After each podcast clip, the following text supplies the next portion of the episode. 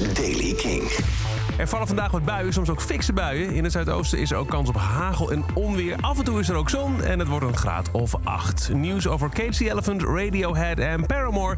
Dit is de Daily King van maandag 9 januari. Michiel Veenstra. Matt Schultz, de zanger van Cage the Elephant, is vorige week in New York opgepakt op wa- eh, eh, vanwege illegaal wapenbezit. Hij eh, verbleef in de Bowery Hotel. En op een gegeven moment zag iemand hem daar met een pistool naar de wc in de lobby lopen. Toen dachten ze, dat is niet goed. Eh, meteen, een 911 gebeld. Die eh klopte op zijn hoteldeur en dan vonden ze in totaal twee wapens. Een Six Hour en een Smith Wesson. En dat mag niet, want hij heeft er geen vergunning voor. Hij heeft een nachtje mogen doorbrengen in de cel in plaats van in het hotel. Drummer Phil Selway van Radiohead heeft gezegd dat de band begin dit jaar weer bij elkaar komt. Wat er dan gebeurt? Nou, gewoon even, even aan, aan, aan elkaar ruiken. Het laatste studioalbum van Radiohead stamt uit 2016, A Moonshaped Pool. Hun laatste tour uit 2018. In 2021 brachten ze nog wel wat nieuwe versies uit van Kid A en Amnesiac. Maar verder, ja, poosje geleden alweer. Eh, een deel van de band is wel bezig geweest met The Smile. Maar zegt Phil Selway dus in een interview... we komen begin 2023 bij elkaar. Eh, ik weet zeker dat we even gaan kijken aan ideeën. En ja, wat zullen we nu weer eens gaan doen? Want Hail to the Thief... twee decennia geleden...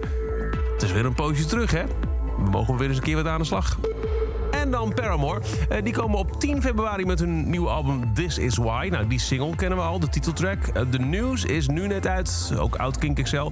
En op social media posten zij ineens 12 januari CCC. CCC. 12 januari, dat is donderdag. En er zit een loopje in dat social media bericht. Dat klinkt als volgt.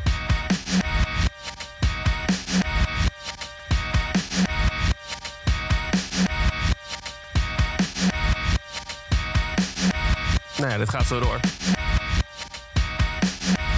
Donderdag dus meer van CCC. Waarschijnlijk weer een nieuwe single van Paramore. En dat is over deze editie van The Daily Kink. Elke dag een paar minuten bij met het laatste muzieknieuws en nieuwe releases.